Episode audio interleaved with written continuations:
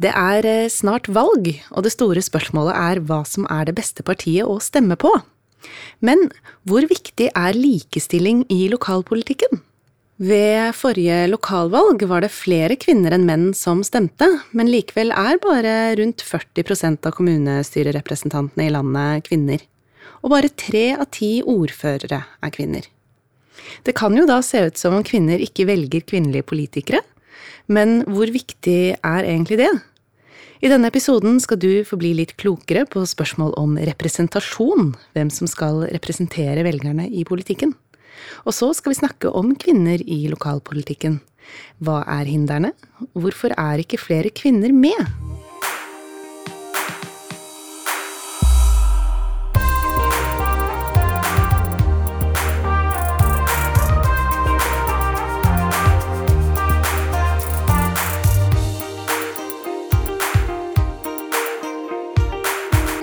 Du har funnet frem en episode av Kjønnsavdelingen. Og det er ikke en vanlig episode, men et opptak fra lanseringen av Tidsskrift for kjønnsforsknings spesialnummer om politikk, kjønn og likestilling, som foregikk på Kulturhuset i Oslo 2. Mot eh, slutten av denne episoden kan du høre Anette Trettebergstuen fra Arbeiderpartiet, Mariann Hussein fra SV, Åse Marte Hårigmo fra Høyre og valgforsker Johannes Berg blir spurt ut av politisk kommentator i Dagbladet Marie Simonsen om hvorfor så mange kvinner skyr lokalpolitikken, hva det egentlig betyr, og hva som kan gjøres med det. Men eh, før det får du litt faglig input fra Tidsskrift for kjønnsforskning, som altså er det vitenskapelige tidsskriftet om kjønn i Norge. Det finner du åpent tilgjengelig på kjønnsforskning.no, og i årets eh, tredje utgave har de to forskerne du nå skal få høre, bidratt. Marte Winsvold har forsket på hvilke velgere norske lokalpolitikere føler de representerer. Der er det forskjeller både mellom de ulike partiene og mellom menn og kvinner. Hun ser på om politikerne føler de representerer én eller flere grupper, f.eks. kvinner, eller eh, folk med få ressurser, eller om de tenker at de representerer alle. Mens eh, Beatrice Halså, som er professor emeritus ved Senter for tverrfaglig kjønnsforskning i Oslo, hun har studert de såkalte kvinnekuppene i norsk politisk historie. Så hvis du lurer på hvordan kampanjene for å få stemt inn kvinner i maktposisjoner foregikk på det glade 70-tall, så gir hun en liten historietime om akkurat det. Men eh, først hører vi Marte Winsvold fra Institutt for statsvitenskap på UiO. Du hører på Kjønnsavdelingen. Tusen takk for invitasjonen til å komme hit og snakke om kjønn og representasjon. Og det jeg skal si noe om, det er hvem kvinnelige og mannlige lokalpolitikere opplever et spesielt ansvar for å representere, og hvordan denne representasjonsorienteringen, altså hvem de, hvem de opplever ansvar for å representere, hvordan det påvirker hvor innflytelsesrike de føler seg i lokalpolitikken. Og alle politikere representerer jo først og fremst et parti, et politisk parti eller en liste. Men politikere kan også føle et ansvar for å representere bestemte befolkningsgrupper. og Det er den typen representasjon jeg skal snakke om nå. Um, I forskningslitteraturen så skiller man mellom sosial og erklært representasjon. Dette er et vanlig skille. Sosial og erklært representasjon. Uh, og sosial representasjon det innebærer at representantene ligner på dem de representerer. Og bare de som selv tilhører en bestemt gruppe, som selv er kvinne, er ung, kommer fra Groruddalen osv., kan sosialt representere denne gruppen så er partiene opptatt av sosial representasjon, de er opptatt av kjønnsbalanse. De, mange partier er også opptatt av at representantene skal speile innbyggerne når det gjelder andre kjennetegn, f.eks. alder, eh, minoritetsbakgrunn, bosted osv. Erklært representasjon det forutsetter ikke at man ligner på dem man representerer. Erklært representasjon er åpent for alle. Og det betyr egentlig bare at politikerne føler et særlig ansvar for å representere bestemte grupper. Så alle kan ta et ansvar for å representere en annen gruppe, uavhengig av om de tilhører den gruppen eller ikke. F.eks. så kan kvinnelige representanter erklære at de opplever et spesielt ansvar for å representere menn. Unge representanter kan oppleve et spesielt ansvar for å representere eldre osv. Erklært representasjon har også politisk betydning fordi det sier noe om hvem politikerne har i tankene når de gjør politiske prioriteringer. Eh, og det er klart at hvis politikere tenker at de har et spesielt ansvar for å representere unge når de gjør politiske prioriteringer, så får politikken et annet innhold enn hvis de tenker at de har et spesielt ansvar for å representere eldre. Så det eh, jeg skal snakke om, det er altså sammenhengen mellom kjønn, representasjonsorientering og opplevd innflytelse blant lokalpolitikere.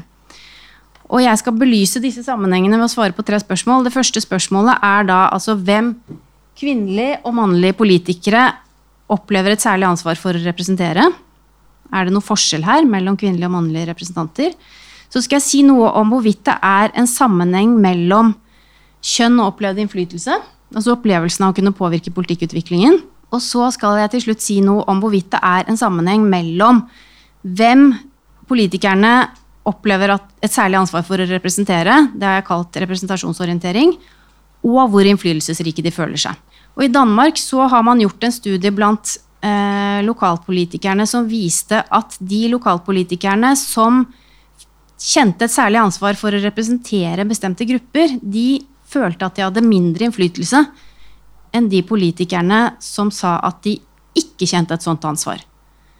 Og På den bakgrunn så har man skilt mellom det man kaller grupperepresentasjon og allmennrepresentasjon. Hvor grupperepresentasjon er at man føler et spesielt ansvar for å, å representere bestemte grupper, mens allmennrepresentasjon innebærer at man ikke kjenner et sånt ansvar.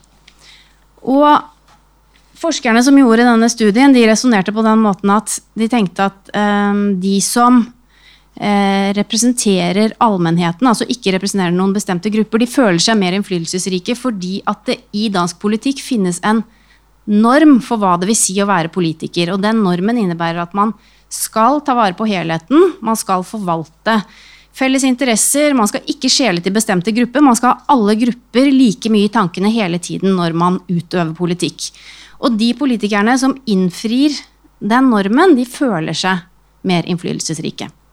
Sånn gikk resonnementet. Og så er spørsmålet vårt, eller mitt, er det også sånn i Norge at de lokalpolitikerne som er såkalte allmennrepresentanter, som ikke føler ansvar for å representere noen bestemt gruppe, at de føler seg mer innflytelsesrike enn de som føler et ansvar for å representere en bestemt gruppe.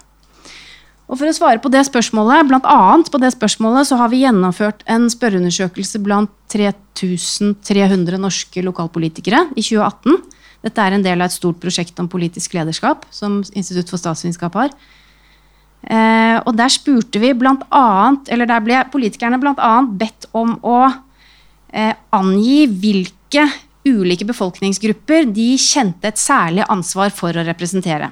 Og da svarte politikerne sånn. Det er prosent, som vi ser her oppe.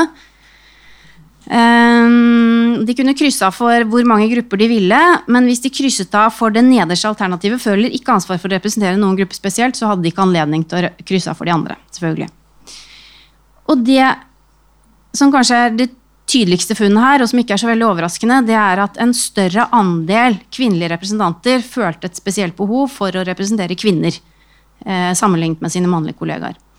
Men det som var mer overraskende, i hvert fall for meg, det er at kvinnelige representanter gjennomgående oppgir i større grad oppgir at de føler et ansvar for å representere alle gruppene det er spurt om. Eh, og som en logisk konsekvens så følger det jo da at mannlige representanter, færre mannlige representanter, eller flere mannlige representanter sier at de ikke føler noe spesielt ansvar. Sånn at hovedfunnet er egentlig at blant kvinnelige og mannlige representanter så er flere kvinnelige representanter såkalte grupperepresentanter, mens flere mannlige representanter er såkalte allmennrepresentanter. De befolkningsgruppene som det ble spurt om, har vi kategorisert i to forskjellige grupper. De fem første befolkningsgruppene, kvinner, unge, eldre, innvandrere og de som faller utenfor i samfunnet, det er grupper som tradisjonelt har vært underrepresentert, og fremdeles er underrepresentert i folkevalgte forsamlinger. Og vi har kalt dem grupper med få maktressurser. Det var veldig vanskelig med terminologien her, hva vi skulle kalle denne gruppen som en samlebetegnelse. Det er ikke sikkert dette er eh, den beste, men det får vi heller tenke litt på etterpå. Men det som kjennetegner disse gruppene, er at de har vært og er underrepresentert, og at man tenker at de trenger en form for spesielt representasjonsvern. så har vi kalt det å representere egen bygd eller en bestemt yrkesgruppe eller næring, det har vi kalt for interessegrupperepresentasjon. Og så har vi altså allmennrepresentasjon helt nederst, som er, handler om det å ikke føle ansvar for å representere noen gruppe spesielt, men ta et ansvar for helheten. Det ser jo nå ut som at menn er allmennrepresentanter, kvinner er grupperepresentanter, kanskje i særlig stor grad er opptatt av grupper med få maktressurser. Men det kan jo være at dette mønsteret egentlig er et uttrykk for f.eks. det at kvinner tilhører andre partier, at kvinner i mindre grad er ordførere, at eh, kvinnelige representanter er yngre, det er de også. Eh, at kvinnelige representanter i gjennomsnitt har eh, kortere fartstid i kommunestyrene, det er høyere frafall. Det kan skyldes mange andre forhold. Så vi kontrollerte for alle disse forholdene for å se om det fremdeles var sånn at det var forskjeller mellom kvinner og menn. Og det som skjedde da, det var at den lille forskjellen når det gjaldt interessegrupperepresentasjon, den forsvant. Men de to andre forskjellene de besto, og de er tydelige og signifikante. Så selv når man kontrollerer for parti, for posisjon, for erfaring, for alder osv., så, videre, så er det sånn at kvinnelige representanter i større grad enn mannlige opplever et særlig ansvar for å representere grupper med få maktressurser. Så det betyr at en høyrekvinne f.eks. vil i gjennomsnitt i større grad enn en høyremann oppleve et ansvar for å representere disse gruppene. Det neste spørsmålet er hvorvidt det er noen sammenheng mellom kjønn og opplevd innflytelse. Eh, og det korte svaret på det er at det er det ikke. Og det er jo veldig bra.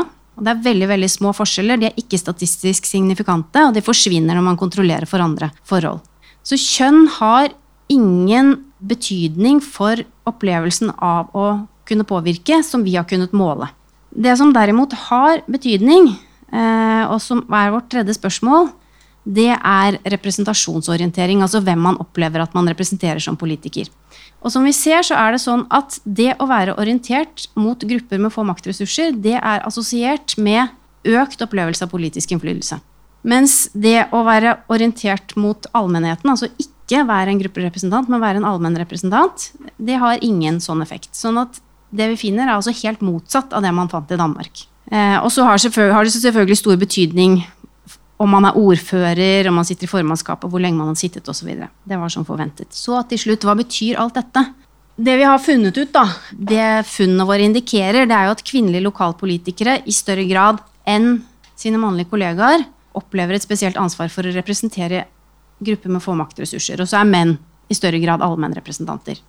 Så finner vi ingen direkte sammenheng mellom kjønn og opplevd innflytelse, som vi har kunnet måle. Og så finner vi at de som er orientert mot grupper med få maktressurser, føler seg mer innflytelsesrike.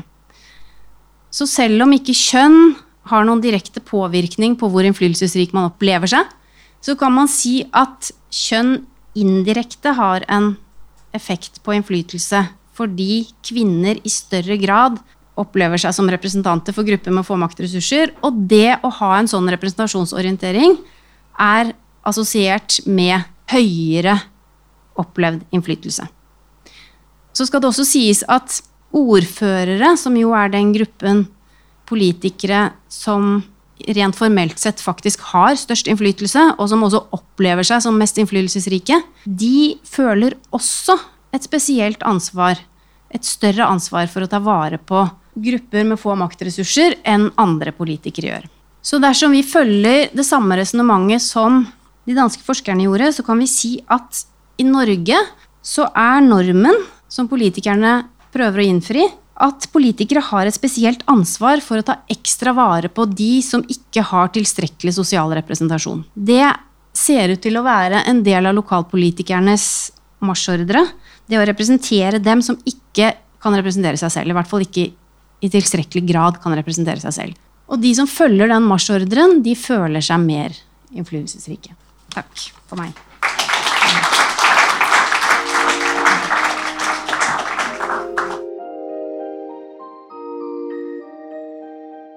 Ja, jeg skal eh, løfte fram litt kvinnehistorie i, i, i artikkelen min og i dette innlegget. Jeg skal særlig da ha sett på eh, kampanjer for å få flere kvinner inn i kommunepolitikken, fra, særlig fra 1967. Eh, men sånne kampanjer har egentlig vært helt siden kvinner fikk stemmeretten, og det er da, da i 1913. Og min påstand det er da at disse kampanjene, særlig fra 67, de har bidratt til å endre det politiske landskapet i Norge helt grunnleggende. De har eh, bidratt til at det har vært en forandring fra kvinners politiske avmakt til at kvinner har fått noe makt og mer makt. Eller fra kvinners fravær i politikken til kvinners nærvær i politikken. Og jeg mener også at dette her med disse kampanjene og deres betydning har vært et underutforsket eh, felt i politikken. Så hvis det er noen her som er ute etter masteroppgaver, så er dette vil jeg si, et veldig fint felt å gå inn i. Men først et par ord om demokrati. Demokrati det betyr folkestyre. Og folkestyre det er ikke en fysisk gjenstand. Folkestyre det er sosial praksis. Eh, folkestyre det betyr at interesser og verdikonflikter, strid og kamp Interesser slår mot hverandre, strid og kamp. Men det betyr også samarbeid, allianser og fellesskap. Og med dette vil jeg poengtere at politikk, folkestyre, det er i prinsippet uforutsigbart. F.eks. var det nokså uforutsigbart hvilke allianser som skulle stå frem ved dette valget her med, med, med bompengene. Um, kvinnekuppene eh, som eh, da startet for alvor i, eh, eller Kvinnekampanjene som startet for alvor i 1967, det ble starten på noe nytt som jeg har kalt for strategisk samarbeid strategisk samarbeid mellom kvinner på grasrota, eh, kvinner i de politiske partiene og kvinner i byråkratiet. Også kjent for mange av dere som statsfeminisme. Disse kampanjene det mener jeg er eksempler på et veldig levende demokrati, der interesser, i dette tilfellet kvinneinteresser, blir mobilisert, der nye politiske fellesskap oppstår, der det er strid mellom kvinneinteresser og andre interesser, enten vi kaller det mannsinteresser eller noe annet, og der utfallet er forandring. Det som skjedde i 1967, som er liksom mitt, eh, der jeg tar avsparket, det ble løftet til nye høyder så å si, ved valget i 1971. Da begrepet kvinnekupp eh, kom inn i det norske politiske landskapet. Og hva var det som skjedde i 1967? Ja, det kan sikkert forklares på mange måter, men i forkant av det valget så er det et litt tilfeldig møte som oppstår ved at Eh, Birgit Wiik, som var leder av Oslo kvinnesaksforening på den tid, hun går på gata, og Norge er et lite land, og politikerne og statsministeren går også på gata, og hun treffer statsministeren, Gerhardsen. Som en nylig avgått statsminister Gerhardsen, og begynner å snakke med han om kvinnelig politikk. Og foreslår der og da skal vi ikke starte en felles kampanje for å få flere kvinner inn i kommunestyrene. Og ut av dette litt tilfeldige møtet så starter en ny tradisjon, fordi at han biter på, blir enig, syns dette er en god sak, dette kan være bra for Arbeiderpartiet. Og de får med seg Borten, de får med seg alle de politiske partiene som da satt på Stortinget. Og det betyr at en lang tradisjon hvor Kvinnesaksforeningen, små kvinneorganisasjoner, har kjempet ved hvert valg for å få flere kvinner inn i politikken, får en ny form. Fordi nå blir det en profesjonell kampanje. Det blir en politisk mobilisering som får en ny forankring, alle de politiske partiene er med, og de får penger til dette her. Og disse kampanjene får en ny legitimitet. Når statsminister, sittende og forhenværende er bak, så er det klart da skjer noe nytt.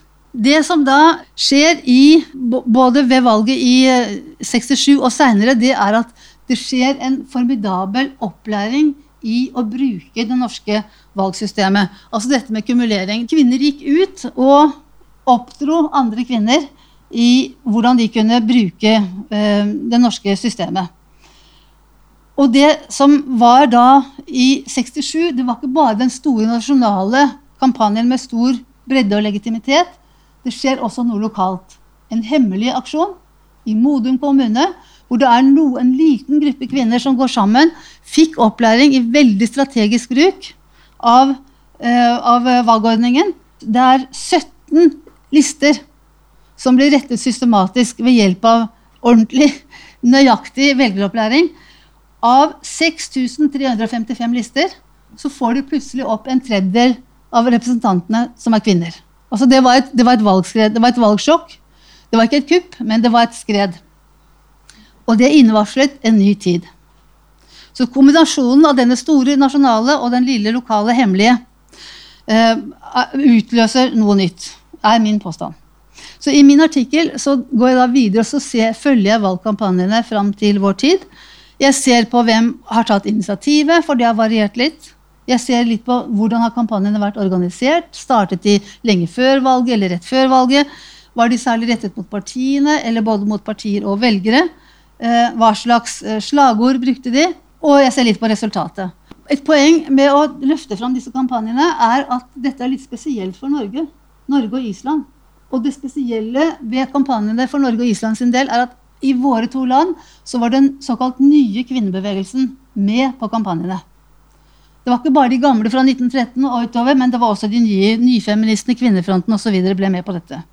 Og så er det et spesielt poeng med at den norske valgordningen med våre kumuleringsregler betyr at veldig få stemmer kan gjøre store utslag. Altså liten tue kan velte stort lass, som det heter. Så den uh, aksjonen da i, uh, i um, 67 og 71 de førte til motkampanjer. Og det har vært studert mye blant statsvitere. Hva er det som særlig slår ut? Virker kampanjer eller virker de ikke? Eller hva, hva skjer med partiene, hva skjer med velgerne? Og mitt poeng da er at kollektiv mobilisering, kampanjene, de virker. Men de virker ikke alltid sånn som planlagt. For eksempel så er det sånn at en kampanje det mobiliserer motkrefter. Det skjedde f.eks. med valget da i 1975 kom det en stor motaksjon som gjorde at kvinnekampanjen ikke funket så godt. Det kom lovendringer som gjorde det vanskeligere å bruke de kumuleringsreglene som hadde vært brukt i 67 og 71.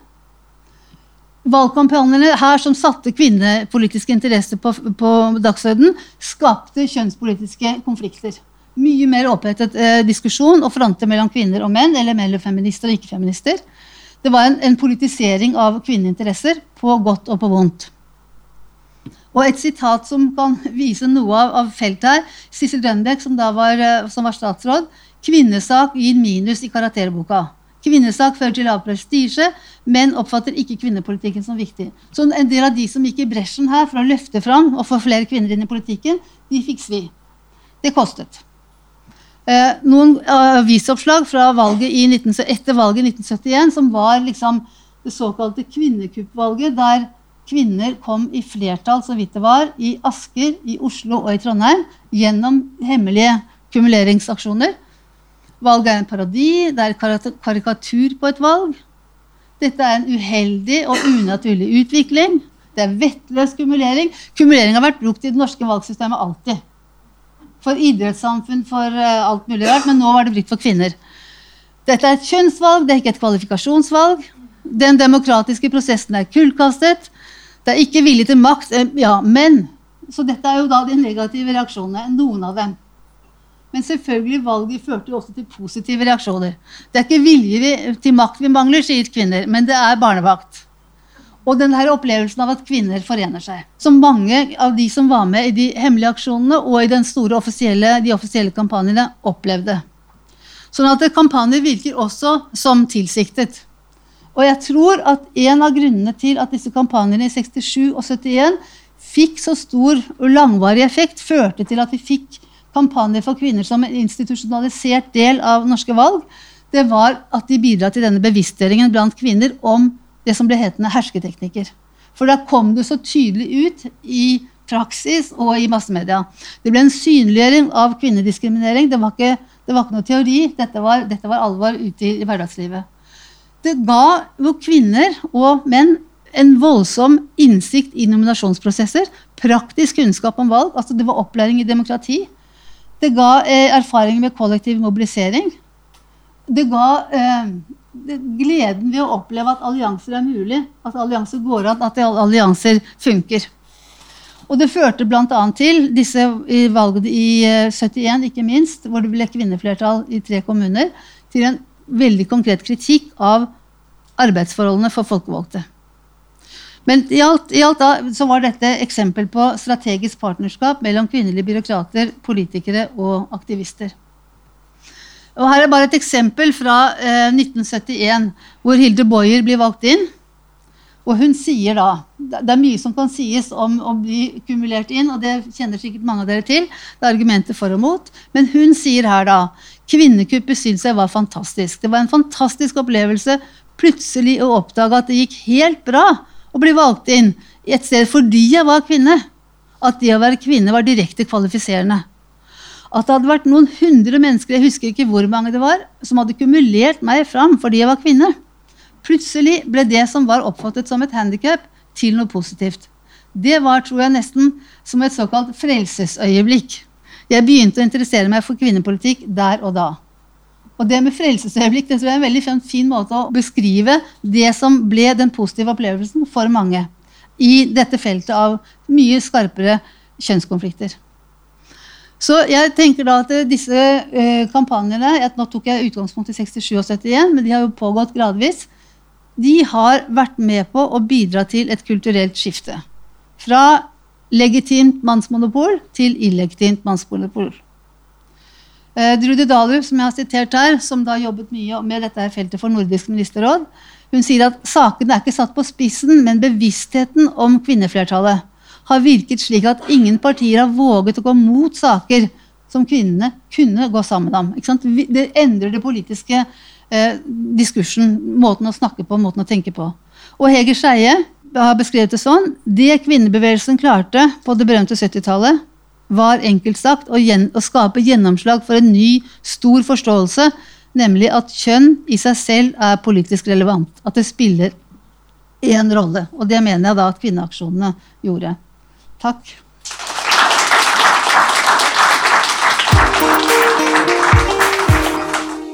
Hvis du vil lese mer om denne forskningen, finner du artiklene til Beatrice Halså om kvinnekuppene og Marte Winsvolls forskning om representasjon i Tidsskrift for kjønnsforskning nummer tre for 2019.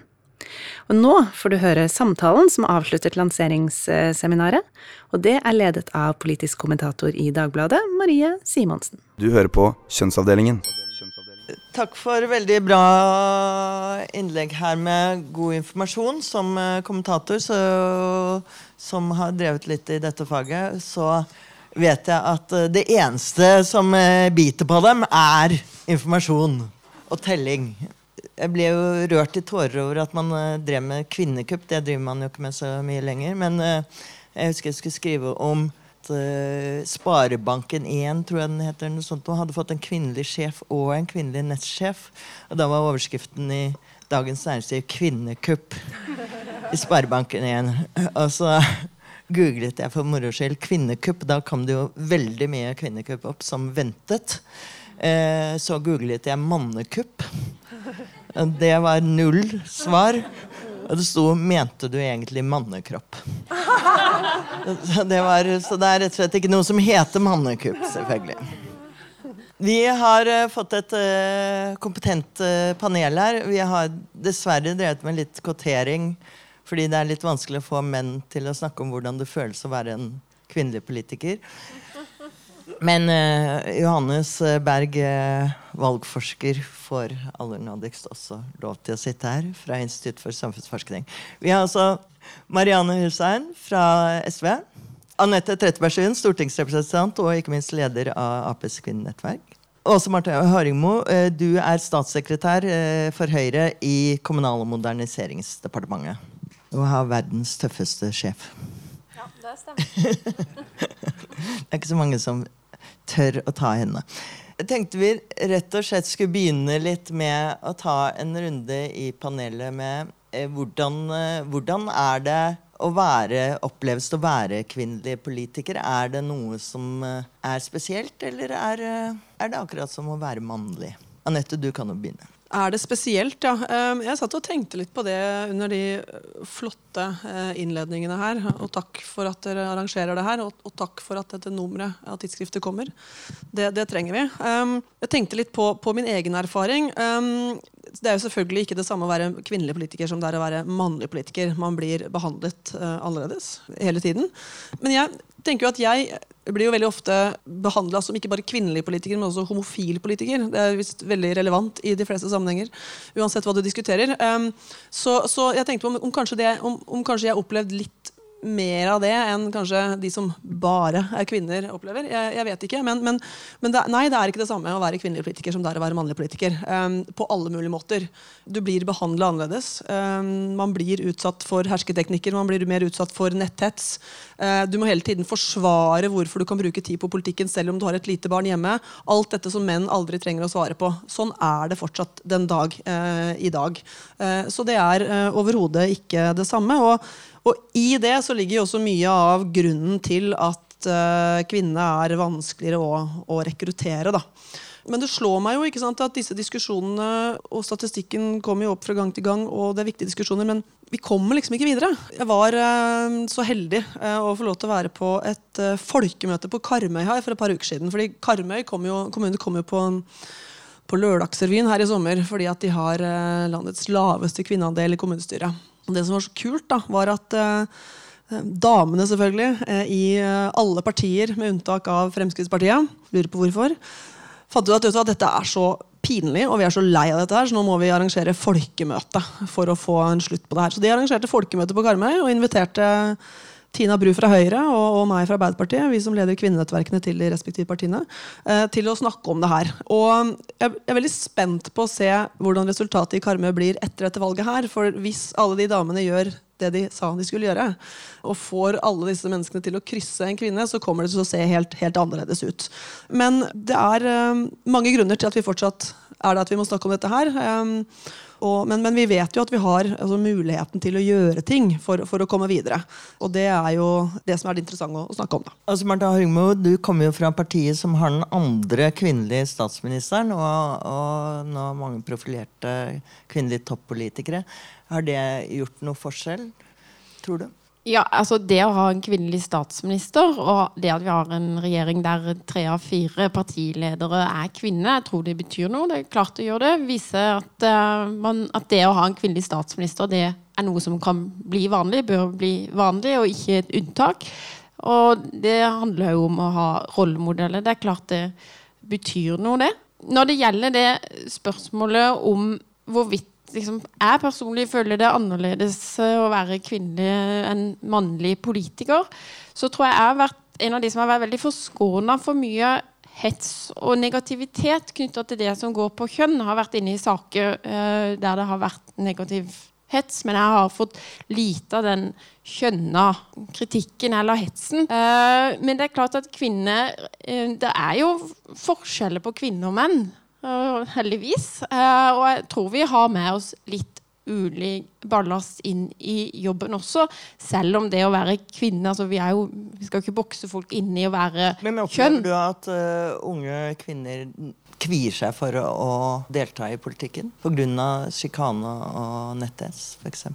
Både ja og nei. Altså, nå, nå, har vi jo fått altså, Dette er jo svogerforskning, som kanskje ikke er liksom, det sånn som man bør bedrive forskning. Men men jeg, jeg har mange Johannes kommer med fakta. Han kan gi fakta etterpå, så det er fint. Da kan jeg drive svogerforskning, og så kan du komme etterpå og korrigere. Men, men, det er klart, jeg har mange uh, kvinnelige politikervenner. Uh, mange av de opplever hets, men de er jo òg samtidig engasjerte og til stede, og har jo ikke trukket seg. Jeg har verdens tøffeste sjef også, eh, som kanskje er en sånn særklasse der. Men eh, jeg tror jo helt klart at det er en utfordring for rekrutteringa etter hvert. Fordi særlig mange av de unge politikerne opplever mye. Og så er det jo noe med at når man spør de som er politikere, eh, så er jo det de som faktisk er aktive. Og det er jo veldig, hadde vært interessant å vite mer om alle de som egentlig ikke er politikere, hvordan de opplever det. Marianne Hussein, du uh, tror jeg tikker av i de fleste bokser i kommentarfeltet når de ser deg. Så er det liksom kryss, kryss, kryss. Ja, ok, vi tar hendene. Opplever du, Er det tøft å stå i offentligheten? Uh, for du har mange, du har minoritetsbakgrunn, du har hijab på deg. Du er uh, fra SV. Sosialistene. Ja. Og du er kvinne. Ja. Nei, jeg tror at jeg har liksom valgt Noe har jeg valgt, og noe har jeg ikke valgt her i livet. Og jeg har liksom fått en kombinasjon da, av å på en måte være alle nettrollens beste kanskje angrepsmål. Men jeg opplever jo også at eh, det er noen ganger at det er litt deilig å være også i et parti som har en forståelse. For noen ganger så altså, Jeg har lest ei dame som heter eh, Kate Mann, som snakker om eh, gaslighting av kvinner. Og veldig ofte så kan du oppleve det. altså At du opplever noe problematisk, og så sier alle rundt deg nei, nei, dette eksisterer ikke, bare fortsett. Det her er i ditt hode. Og det er jo nok til at veldig mange kvinner eh, også begynner å miste trua på seg selv og hvordan de oppfatter verden rundt seg. Um, sånn at uh, det er jo viktig å på en måte ha partiorganisasjoner som forstår hva er det som skjer, og som klarer å stille opp med de riktige verktøyene når, uh, når man er utsatt. Og så husker jeg veldig godt mitt første landsmøte i 2017 17, hvor alle lo av oss. Hvorfor skulle vi ha formøter? Og jeg tviler på at det er noen som ler etter metoo uh, om hvorfor uh, formøter jeg husker jeg skal være indisk her. Det var de gamle mennene i redaksjonene som skrev ha-ha om dette.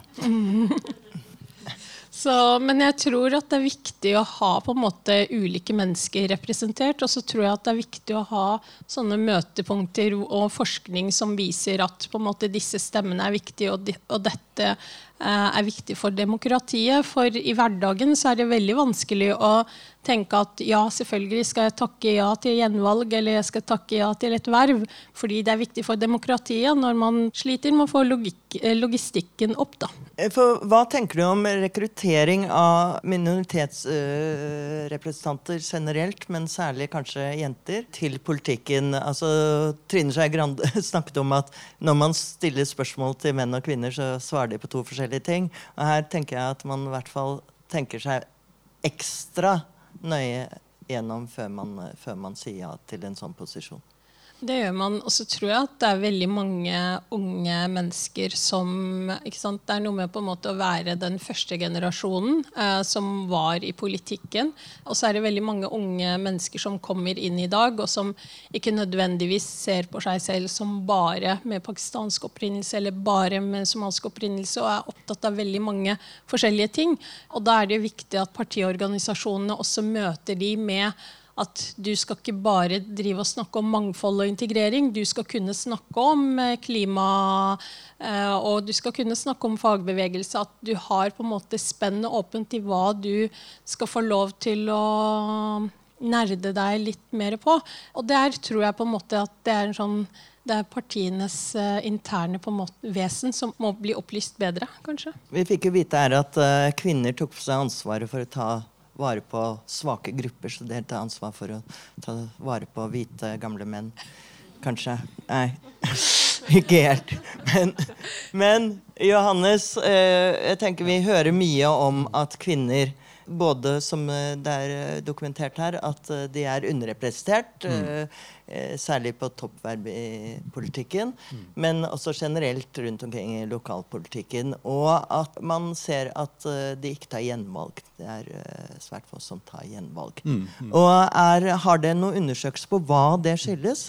Anekdotisk beviset er jo at det er fordi det er mye hets og slike ting. Mm. Men har det kanskje også med andre forhold å gjøre? Det har det nok. Altså, jeg, tror det er en stor forskjell mellom uh, lokalpolitikk og uh, lokalpolitikk som gjerne er noe man driver med på fritiden, og, og nasjonal politikk, eller de som driver med politikk som en, en, som en jobb, som noe, noe, profesjonelt. Og vi ser jo særlig at I lokalpolitikken så er det jo generelt vanskelig å rekruttere folk til å stille til valg, og, og det er vanskelig å rekruttere uh, kvinner. Og, og, det tror jeg rett og slett handler veldig mye om det rent praktiske. At man har møter på ugunstige tidspunkter, og man har masse saksdokumenter å, å lese og osv. Og, så videre, og, og det gjør at, eh, at, det er vanskelig å si ja til et sånt eh, verv. Og kvinner eh, Det gjelder både kvinner og menn, men kvinner i litt større grad enn menn. Det gjør at kvinner har i gjennomsnitt litt lavere fartstid i kommunestyret.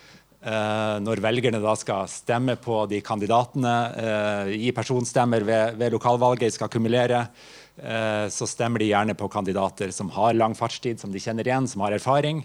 Eh, og da kommer menn litt, litt bedre ut eh, enn kvinner. så, det, det, blir en slags ja, selvforsterkende effekt over tid. Da. Jeg tenkte Det tar jo forferdelig mye tid. Jeg så eh, en av disse innleggene snakket om hvem som, eh, at det var en stor forskjell på menn og kvinner som traff velgerne sine. Hvor ofte de traff velgerne sine. Og det tenker jeg er jo en krevende øvelse eh, for, for lokalpolitikere. At de også skal drive og henge med disse plagsomme velgerne. Men, men. De kan sykle litt rundt i strøket med vaser og sånn, så går det bra.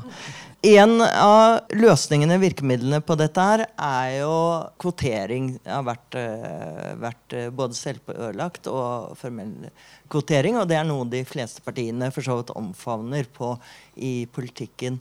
Men det er jo andre utfordringer som kvotering kanskje ikke løser fullt ut, som vi har sett uh, som har en sterk kjønnsdimensjon. Og det har, har vi så vidt vært inne på. Det var metoo-revolusjonen som kom i fjor, forfjor. Hva er løsningen på disse utfordringene, som har, eh, har et eh, klart kjønnsaspekt? Åse Marte? Jeg tror for det første det at man har fått opp den debatten. altså det er jo, Du kalte en revolusjon, og det tror jeg jo er rett. Det har gitt oss et språk til å snakke om eh, både liksom små og store krenkelser, som jeg tror er positivt i seg selv. Jeg tror det er mye lettere nå. altså for eksempel, Nå sa jeg at jeg opplever kanskje, jeg har ikke opplevd så mye sånn kjønna sånn tydelig diskriminering. Men en ting som jeg opplever mye mer enn mine mannlige kolleger, det er å bli tatt på. At uh, folk kan komme på møte og skal hile meg, eller gjøre sånne ting som er helt absurd å finne på å gjøre med ting, folk du treffer på i jobb og formelle sammenhenger. Men, uh, men nå kan du liksom det er lettere, Jeg tror det er lettere å snakke om den type ting Eh, fordi vi har fått den metoo-revolusjonen. For før så hadde det vært sånn Ja, det var jo ikke akkurat trakassering. Nei, men herregud, da. Det kan ikke, går ikke an å oppføre seg sånn. Det er lettere å snakke om. Det er jo de der små krenkelsene som jeg tror Eller krenkelser, altså, men som, som, som, jeg tror vi opplever. Det har en effekt i seg selv. Vi kan snakke om dette. Og det at det er så stort omfang, er udiskutabelt nå med det som har skjedd. Men opplever, opplever dere at, at på den måten er oppstått et slags nytt uh, kvinnefellesskap som på tvers av partiene, slik det var før i de gode, gamle dager. Ja, jeg tror i hvert fall at dette er et sånt tema som de fleste er opptatt av at man skal gjøre noe med. Jeg tror alle partiene, det er selvfølgelig noen forskjeller her, har jo jobba med dette. Vi har jo hatt uh, det har jo gitt litt ulike utslag. Vi har hatt nachspiel-nekt i, i, Høyre. Det tror jeg var ett uh, landsmøte. Men men, men, fra liksom de litt mer sånn kuriøse tiltak til mer seriøs jobbing, det tror jeg er et resultat av dette. Uh, jeg tror hele altså Den debatten vi har hatt rundt sjikane nå, uh, er jo med på på ene sida å løfte problemstilling sånn at man blir mer klar over det. Men det er positive og negative sider ved det også. Men jeg tror det er en brei enighet på tvers av partiene at dette er noe vi bør gjøre noe med.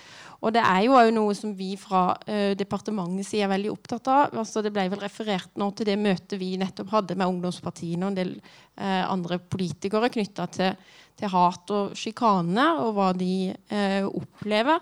Og det er ganske sjokkerende å høre på tvers av partigrensene hva de unge politikerne får i sin innboks eller i kommentarfeltet. Og ikke minst hva de velger å ikke rapportere fordi de ikke syns det er alvorlig nok. Fordi det er én ting med det som er sånne rene trusler, og, og, sånn som alle skjønner at dette er jo langt, langt, langt over streken. Men de tinga som de syns var litt sånn Ja, ja, det var ikke greit. Det tenkte jeg var utrolig grov uh, som de syns var liksom Ja, ja det har jeg ikke gjort noe med. Og det var ganske skremmende. Og der har vi en stor jobb i å ta tak i dette, både i partiorganisasjonene, eh, sette folk i, eh, i, stand til å håndtere dette, ha gode rutiner for hvordan man skal ta denne type hets videre. Uh, og hjelpe sånn at ungdomspolitikere må ikke sitte der alene og skulle vurdere hvordan de skal håndtere den type situasjoner. Og så tror jeg vi må òg se på tiltak nå i, uh, altså innenfor uh, det ansvarsområdet vi har. Og det er noe av det vi jobber videre med nå.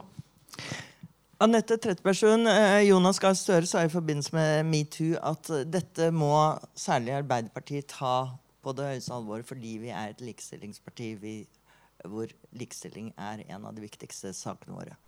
Det må jo ha overrasket kanskje deg, i likhet med veldig mange andre, at dette ikke er tatt tak i tidligere. Hvorfor har ikke det skjedd? Det Og hva er det uttrykk for? Ja, jeg tror at um, metoo var altså, helt åpenbart enormt viktig. Uh, det løftet jo på dynen i alle partier, uh, og Arbeiderpartiet ikke minst. Og, og, og, viste litt av hvordan det står til i politikken. Um, og det var ikke et pent bilde som, som blir tegna, uh, men på tide at, at det løftes. det som har vært bra med metoo, er at jeg tror, jeg håper at det har sendt et kraftfullt signal til alle eh, kvinner eh, og unge jenter om at man overhodet ikke skal finne seg i den type ting lenger. Og at man både kan og skal si fra. Og så er det ikke sånn at man sitter og ler eh, rundt lunsjbordet av sånne slibrigheter eh, lenger. Det er også bra. Men hvis vi skal skape en varig endring, så kan vi ikke slutte nå. Eh, det er jo nå jobben begynner, når avisene skriver mindre om det og, og grasrotkampanjen liksom har dødd litt ut. Jeg tror det, det handler jo om, om, om, veldig mye, men selvfølgelig det handler jo om at i, i, alle deler av samfunnet, enten det er næringslivet, bedrifter eller i partier der menn har mest makt, i de viktige foraene, så oppstår det denne type kulturer der, den type ting er greit. Og også i Arbeiderpartiet, eh, som i alle andre partier, så, så, er det jo slik at vi er færre kvinner eh, med, med, makt. Det er færre kvinner eh, Eh, det, det, er flest menn som sitter rundt de bordene der, der makta fins. Eh, og, og, det får utvikle seg en sånn eh, kultur. Da. Så det å, det å ha likestilling, det å ha 50-50 som vi har innført, da, er jo et viktig virkemiddel mot denne type ukultur.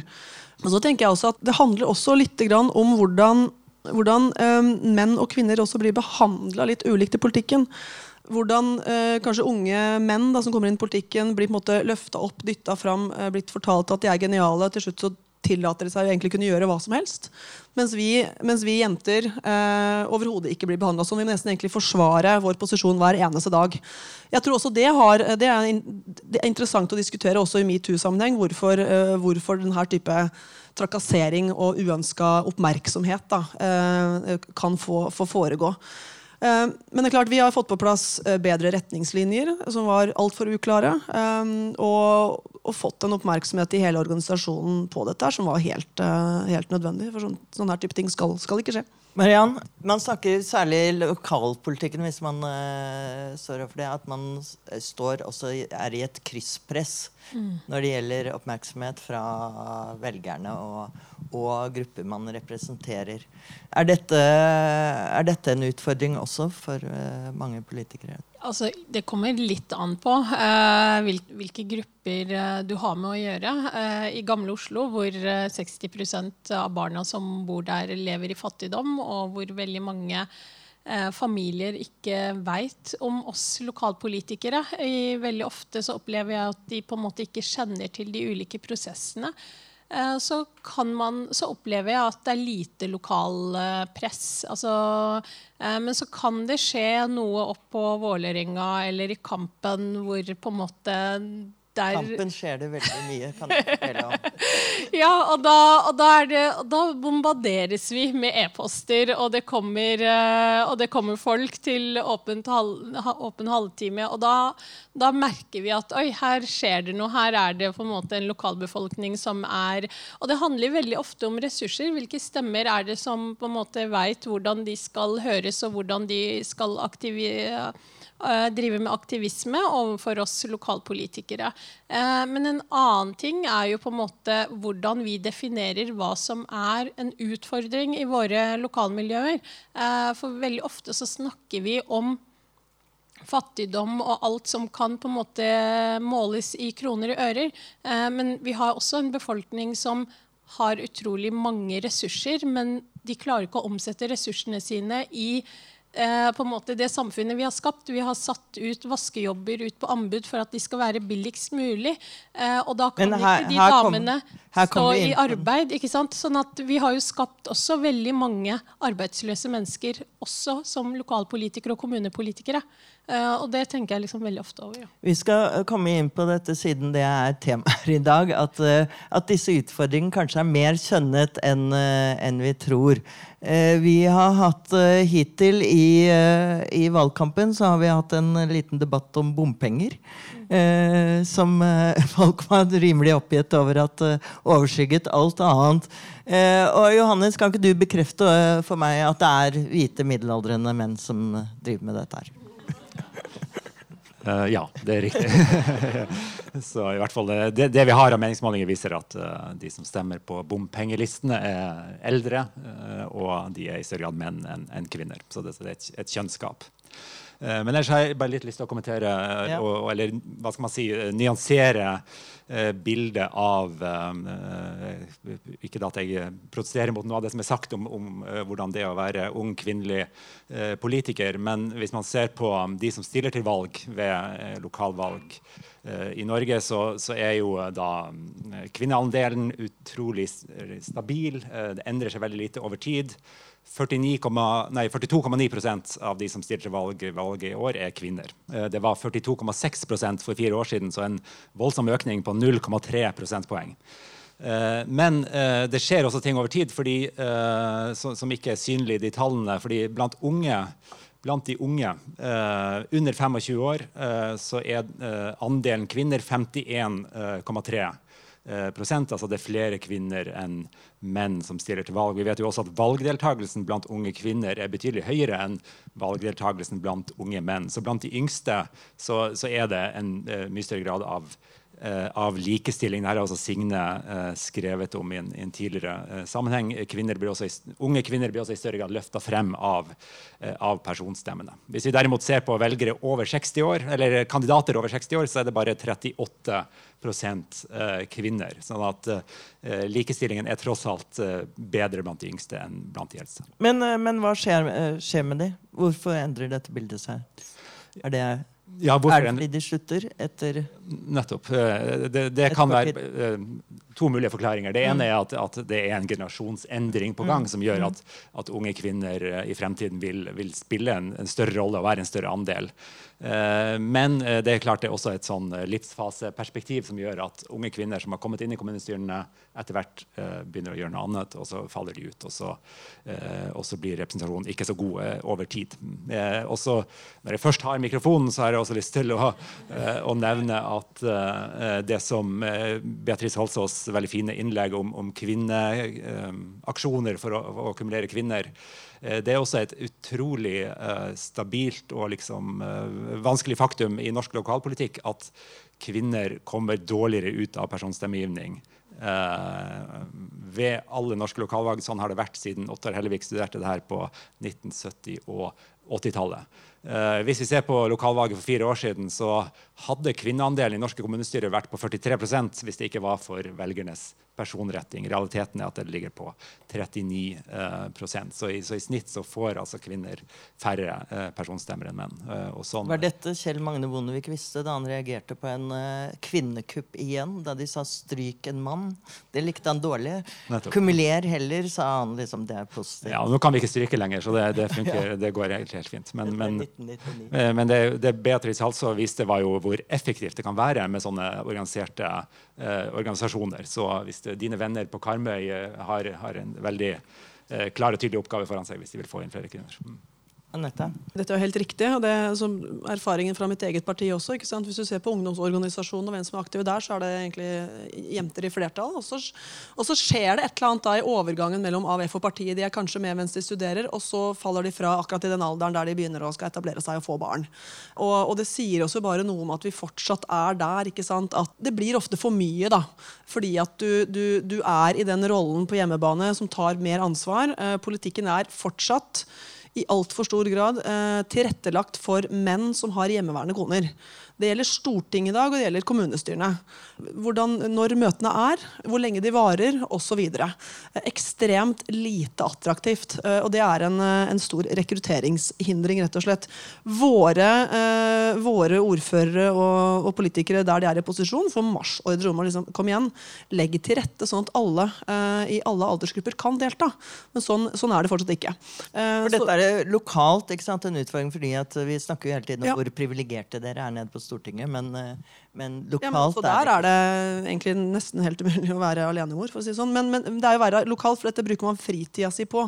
Og, og veldig mange finner jo da ut at nei, det blir rett og slett for mye. Så, så i den grad vi får disse jentene til å stille til valg, eh, så er det veldig få Eller mange tar ikke gjenvalg.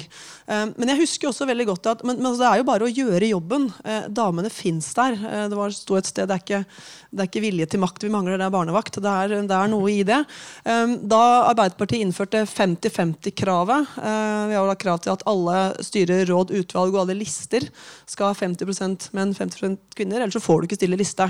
Og det husker jeg veldig godt på det landsmøtet. Det ble sagt at vi kommer ikke til å stille, få stille liste i mange kommuner. Det er helt umulig. Disse damene fins ikke. Selvfølgelig fantes de. Det var bare at de måtte lete litt og spørre de. Um, og vi har jo, I kvinnenettverket til Arbeiderpartiet det er noe av det vi bruker mest tid på. Eh, ringe rundt til allerede, altså kvinner som allerede sitter i kommunestyrene. Oppfordre dem om å ta gjenvalg. Oppfordre dem om å søke eh, høyere posisjoner, om å bli ordførerkandidater. Eh, Men det er jo ganske ille når man eh, har det systemet fortsatt i Arbeiderpartiet, at du må oppfordre pushe kvinner til å, ta verv. Ja, Mens tror... de gutta de kommer av seg selv fortsatt. Ja, jeg tror ikke det er veldig spesielt for, for Arbeiderpartiet. For Nei, å si nei. det sånn. men, ja, men, men vi i Arbeiderpartiet gjør en systematisk jobb, og den har fungert også. Eh, nå ved høstens lokalvalg så har vi eh, rundt 40 kvinnelige ordførerkandidater. Eh, det er nesten 10 flere enn ved forrige valg. Og det er etter et systematisk arbeid. For det er litt sånn at, at summen av alt blir ofte for mye for damene. og det, Dette henger jo sammen med hvordan likestillingspolitikken og familiepolitikken er. eh, er, er utforma, rett og slett. Og der har vi fortsatt en, en lang vei å gå. Vi kan ikke tro at Norge er, eh, at vi er i mål der, altså. Vi ender likevel med 30 eh, kvinnelige ordførere. Ja, og der, der er vi jo Det er jo summen av, summen av alle partiene. Den skylda skal ikke Arbeiderpartiet ta alene. Ja, Mariann. Nei, altså, Jeg ledet jo nominasjonskomiteen til Gamle Oslo SV. Og, eh, og nominasjonskomiteen fikk veldig mange innspill. Men eh, overraskende nok så var det de fleste altså, menneskene som så seg nødt til å liksom gi, eh, gi beskjed til nominasjonskomiteen om at de ønsket å stille til valg. Det var overraskende hvite menn som på en måte var i sin beste alder, 30-40 pluss. ikke sant? Eh, og, og så må man gjøre det arbeidet, systematiske arbeidet med å finne ok, er det noen andre kandidater. Hvordan kan vi finne de andre stemmene som vi har i lokallaget? Og hvordan får vi disse til å stemme? Og så må man gjerne prate med de stemmene. Men en annen ting som man sjelden snakker om, er jo også hvilken type arbeid har de menneskene vi ønsker skal være der. Jo, hvis du er eh, hjelpepleier, hvis du, har, eh, altså hvis du jobber turnus, hvis du har en usikker arbeidssituasjon, så er det ikke lett å si at jeg stiller til valg og jeg skal være eh, committed til å liksom si ja til møter på kveldstid når jeg egentlig burde jobbe. Uh, og så er det det hele med ikke sant, alenemødre. Altså, det er mange mennesker vi ikke, demokratiet ikke er tilgjengelig for av den måten vi er organisert. Eh, og så har partilagene også en utrolig eh, viktig oppgave, men det er jo ikke gitt at alle blir ivaretatt. Eh, Det er ikke gitt at alle har muligheten til å stille opp. Det er ikke gitt at alle kjenner de riktige folka for å på en måte kunne prate om hvor vanskelig ting kan være. Sånn at det er kjempeoppgave som ligger på skuldrene kanskje til eh, unge kvinner som allerede syns at hun har bidratt nok, for hun har vært aktiv siden elevrådet. Ja, så systemet på mange måter legger jo opp til da en eh, skjev eh, rekruttering, fordi at eh, det er eh, man må eh, ha ressurser hvis man skal sitte i te- selv i et bydelsutvalg. Mm. Det er eh, apropos eh, kampen hos meg. Der mener jeg at alle syklistene har kuppet hele hele bydelsutvalget. Jeg er litt usikker på det, men det kan hende. De er jo spreke og raske. Eh, men det jeg var litt inne på eh, Før Johannes insisterte på å komme med fakta og informasjon og sånn, eh, var at det man kanskje ikke er så opptatt av, selv om vi har eh, hatt eh, likestillingspolitikk, veldig mye fokus på det i alle disse årene, at eh, ting er kjønnet i politikken også. Vi ser f.eks. da bomme- og pengeopprøret, som får et voldsom oppmerksomhet, og som da frontes menn. Men vi kan se f.eks.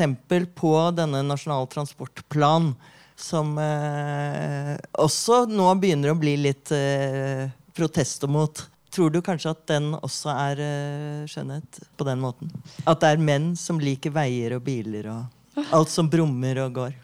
Jo, eh, det er, eh, altså, er, jo flere innganger til akkurat det spørsmålet. En er jo hvem som liker hva. Jeg tror vel alle sånn på tvers eh, stort sett er enige om at er, vi trenger en del vei, og vi trenger en del ting som brummer òg. Selv om vi skal gjennom et grønt skifte. Uh, men, men, det ene er liksom den ideologiske tilnærmingen til det. Som kanskje altså Det med å snakke om en kjønnet NTP, det, det er litt sånn upresist. Og hva ligger i det? Uh, men det andre er jo at uh, som politikere så mener jeg vi bør tilstrebe å ha effektiv politikk. Og da må vi kjenne folks preferanse, hvordan de agerer. Og da er kjønn en viktig variabel når det gjelder hvordan vi transporterer oss og kommer oss rundt i hverdagen. Vi har litt ulike preferanser, men er antageligvis gladere i bilen sin. Eller jeg vet ikke om det er fordi de liker brummelyden, eller hva det er for noe, men det er en forskjell der. Uh, så hvis vi skal få til effektiv politikk, så er det, uh, et, er det, en variabel som man må ta hensyn til i en del sammenhenger. Um, hvis jeg kan fortsette litt på det de var inne på i, i, i stad uh, Men det med å organisere hverdagen sånn at kvinner kan delta. For det, det, tror jeg jo er uh, et viktig spørsmål, hvordan vi har møte osv. i politikken. Og så var det noen Lurer på om det var du som etterspurte liksom, sånn regionreformen i kjønnsperspektiv? Eh, kanskje noen andre? Ja. Det var, I hvert fall så var det oppe i stad. Uh, og jeg har jobba mye med både kommunereform og regionreform. men jeg tror kanskje kommunereformen der ligger det noen kimer som kan være positive for eh, bedre organisering av politisk hverdag. For det er veldig stor forskjell i små og store kommuner. Hvis du kommer i de større kommunene, så har man mer frikjøp. Eh, og der tror jeg kanskje litt motsatt av, av det dere peker på òg, at det kan være enklere for kvinner som eh, er i offentlig sektor f.eks. å ha møte på dagtid fordi du får frikjøp. Det er lett å få frikjøp fra jobben din. Eh, og det kan gjøre det kanskje enklere enn det der at du skal være på jobb, og så kommer du hjem, og så skal du ut og kjøre. Og noen steder må man kjøre langt for å komme i møte. Uh, det er kanskje noe som passer bedre for liksom godt voksne menn, eller har tradisjonelt gjort det. Så det kan være noe med at vi faktisk som en følge av reformen får en litt annen organisering som kan passe bedre for kvinner. Og så er det en balanse selvfølgelig hele veien mellom det med å profesjonalisere for mye Uh, og, og, det med at man uh, å beholde Altså at ikke man skal betale ut for mye godtgjørelse osv. Men så er det jo en utfordring at vi mister altså det er jo Kjønn er jo en dimensjon, men det er jo andre egenskaper òg. F.eks. selvstendig næringsdrivende og andre som vi ønsker å få inn òg. Som er, det er jo vanskelig til dels å få til å stille på listen. Det har vel vært noen kvinner som har protestert mot regionreformen også alle her eh, tar denne problemstillingen på alvor, og vi er alle like opptatt av å få flere kvinner inn i kommunestyrene, eh, fordi det handler om demokratiet vårt. Eh, men det gir meg også en anledning til å peke på de der små, men viktige grepene i likestillingspolitikken som veldig få orker å høre om, og i hvert fall ikke pressen gidder å skrive om, men som, som spiller en rolle. Eh, når vi snakker om kjønning av politikk, eller konsekvensene av utformingen av politikken, er jo viktig i et kjønnsperspektiv. Og da er det jo ille, mener jeg, at altså, likestillingsdimensjonen er tatt ut av den der såkalte utredningsinstruksen. Eh, Arbeiderpartiet vi foreslo i 2015 i likestillingsmeldinga at vi skulle få en årlig likestillingsredegjørelse eh, i Stortinget, fordi at vi mener at det er viktig å få en diskusjon om hva er kjønnskonsekvensene av den samla politikken. Eh, for når vi diskuterer eh, politikk og kjønn, så blir det ofte en diskusjon om at ja, det er likestillingspolitikken det handler om. Nei, det er jo feil. Hvordan vi organiserer livene våre og hvilke muligheter vi har til å velge fritt, og om vi stiller likt eller ikke, handler jo om den totale politikken. Det handler om innretningen på skattepolitikken, på samferdselspolitikken osv. Ikke bare likestillingspolitikken. Og det, det, det fikk vi flertall for, men, men den likestillingspolitiske redegjørelsen i mai har blitt til en sånn merkelig seanse av festtaler og ord om hvor viktig det er å komme videre. Ikke det vi eh, skulle ha den til. I tillegg så foreslo vi at eh, hvert statsbudsjett skulle skulle ha en sånn eh, kjønnsanalyse. da. Um, nettopp fordi at Eh, Men hva vil det avdekke? Så vil det avdekke at det er rett og slett en interessekonflikt Nei, vil, som altså- går langs uh, har en kjønnsdimensjon på den måten som du Nei, det, det handler om å få opp i dagen at uh, også sk måten skattepolitikken er innretta på, går altså Det er noen som tjener på det. Uh, hvite menn, eh, middelaldrende menn. Og det er noen som taper på det. Uh, Lavtlønna kvinner, f.eks. Å få den diskusjonen opp i dagen, få de tallene på bordet, mener jeg er viktig. For det er det, det, er det som handler om ja, muligheten til å, til å kunne leve, leve frie liv. Og, og det er jo litt også sånn når vi har diskus disse diskusjonene her hver- eneste gang det er lokalvalg, at vi er rørende enige om at vi, vi må komme videre. Men i det praktiske, i hverdagen, så må vi også forstå at de valgene vi tar i politikken, eh, i sum er med på eh, å gjøre det eh, enten lettere eller vanskeligere å være kvinne og stille til valg lokalt. Da. Og da hjelper det ikke å krysse, bare. Du, du snakket om eksempel, Marian eh, Seine, at, eh, at eh, det var mye fattigdom i, i den eh, bydelen du eh, representerer. Men vi snakker jo veldig ofte om barnefattigdom. Men, eh, men det kan jo eksempel like gjerne være snakk om kvinnefattigdom. Eh, Det er jo ofte det, for det er jo gjerne da en mor som sitter igjen med barna. Og, eh, og det kan være at det er en mor som burde ha jobbet i kanskje i bydelens tjenester eh, som renholder, men da vi har satt ut ting på anbud, fordi når man behandler budsjetter, så behandler man det som enkeltvis, og ikke at man ser totalen i økonomien. Det var senest eh, forrige uke at jeg leste om eh, 30 kommunalt an eller tidligere kommunalt ansatte renholdere i Os kommune som hadde mista jobben sin. Eh, og, eh, og det får jo på en måte konsekvenser. Eh, og kommer du fra et hjem med to inntekter, så går det kanskje litt bedre, men kommer du fra et hjem med, der du er den eneste inntektskilden, og du har allerede dårlige måte, kvalifikasjoner for å kunne tilegne deg et annet arbeid, og du har så vidt på en måte klart å beholde den jobben, så kommer du på en måte et lengre unna arbeidslivet. Og eh, det er ikke lenge siden at det kom en eh, forskning som viste at uh, renholdsarbeidet pga. kravet om effektivisering, så har, så har den presset ut kvinner. eh, og at det nå er eh, menn med på en måte mm, unge menn med minoritetsbakgrunn som eh, driver renholdsbransjen eh, fordi de er så sterke og effektive, eh, og at kvinner er presset ut. Sånn at summen av alle våre politiske valg som vi gjør fordi vi ønsker å spare penger, fører jo til at flere grupper presses ut av arbeidslivet. Eh, og da må vi forstå at ok, hva er det vi mister som et fellesskap ved å presse ut disse menneskene fra å gjøre de til frie, aktive aktører i sine egne liv, til på en måte avhengige av andre. Heldigvis eh, fikk vi høre her, som eh, vi mistenker, at kvinnene velger at de også skal representere de som da ikke er representert. Vi tar på oss det òg. Ja, altså, Nå kommer vi inn på litt ulike temaer her, men det er klart uh, dette med, eh, med å falle utenfor arbeidslivet er jo et tema som eh, generelt er viktig. Men vi er jo faktisk i en situasjon der det egentlig bildet er gjerne motsatt. Fordi det er menn som nå uh, som er i størst fare for arbeidsledighet. Altså når vi ser oljeprisfall osv., så, videre, så går dette i veldig stor grad utover menn. Og det er jo den motsatte sida når vi, vi kanskje, hvis man skal dra dette lenger, eh, som kan være eh, for så vidt positivt for Men jeg tror ikke ikke vi tar hele olje... Slutten på oljenæringen. Eh, Det blir, det blir for voldsomt og for, for trist. Hvor, hva skal vi gjøre etter det?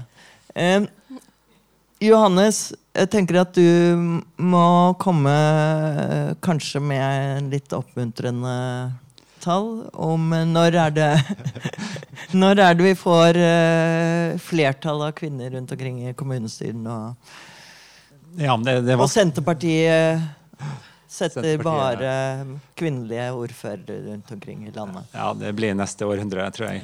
Men, eh, det, det, Utviklinga har for så vidt ikke vært særlig positiv. Det er vanskelig å være veldig eh, oppmuntrende fordi, fordi utviklingen går såpass uh, sakte. Men uh, jeg hadde lyst til, eh, siden vi snakker om dette tidsskriftet, så hadde jeg lyst til å nevne denne artikkelen til Marte Winsvold som du var eh, inne på, om, om representasjonsroller. Eh, fordi eh, hun viste eh, veldig interessante tall at kvinner og menn tenker litt ulikt om det å være en politisk uh, representant. Det er kanskje ikke så overraskende at kvinner er mer opptatt av kvinners interesser, men kvinner er også mer opptatt av alle andre minoritetsgruppers interesser. Og det kan tydeligvis ikke bare forklares av hvilket parti de tilhører, men, men at det, det er en, en, generell forskjell der. Jeg synes det var et Eh, mens, mens menn er opptatt av, uh, av er opptatt samfunnet av som helhet. helhet Vi tenker mye mer helhetlig. Ja.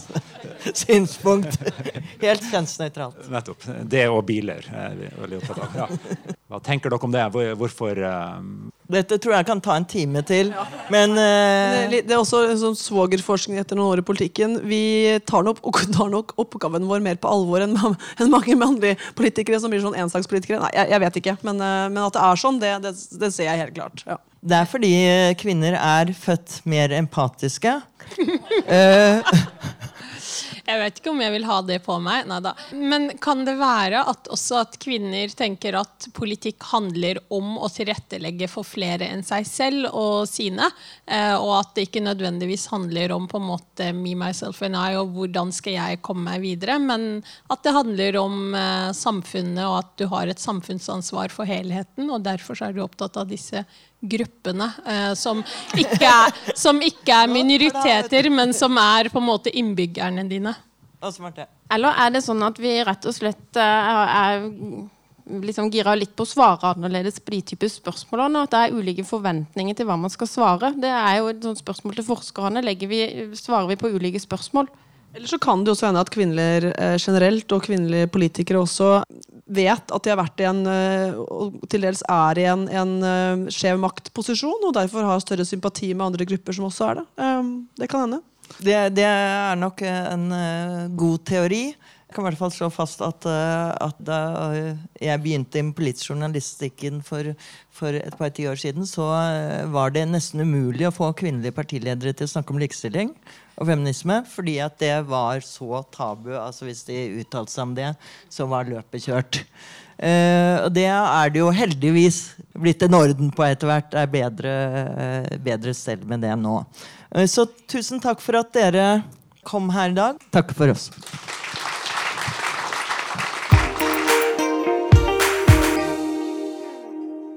Du har hørt et opptak fra lanseringsseminaret for Tidsskrift for kjønnsforsknings spesialnummer om politikk, kjønn og likestilling.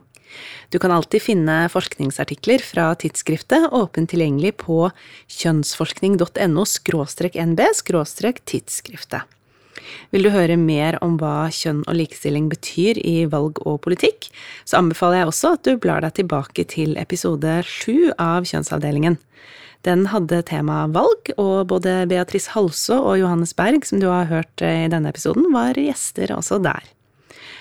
Kjønnsavdelingen er eh, produsert av Kilden kjønnsforskning.no med hjelp av Ology Studio.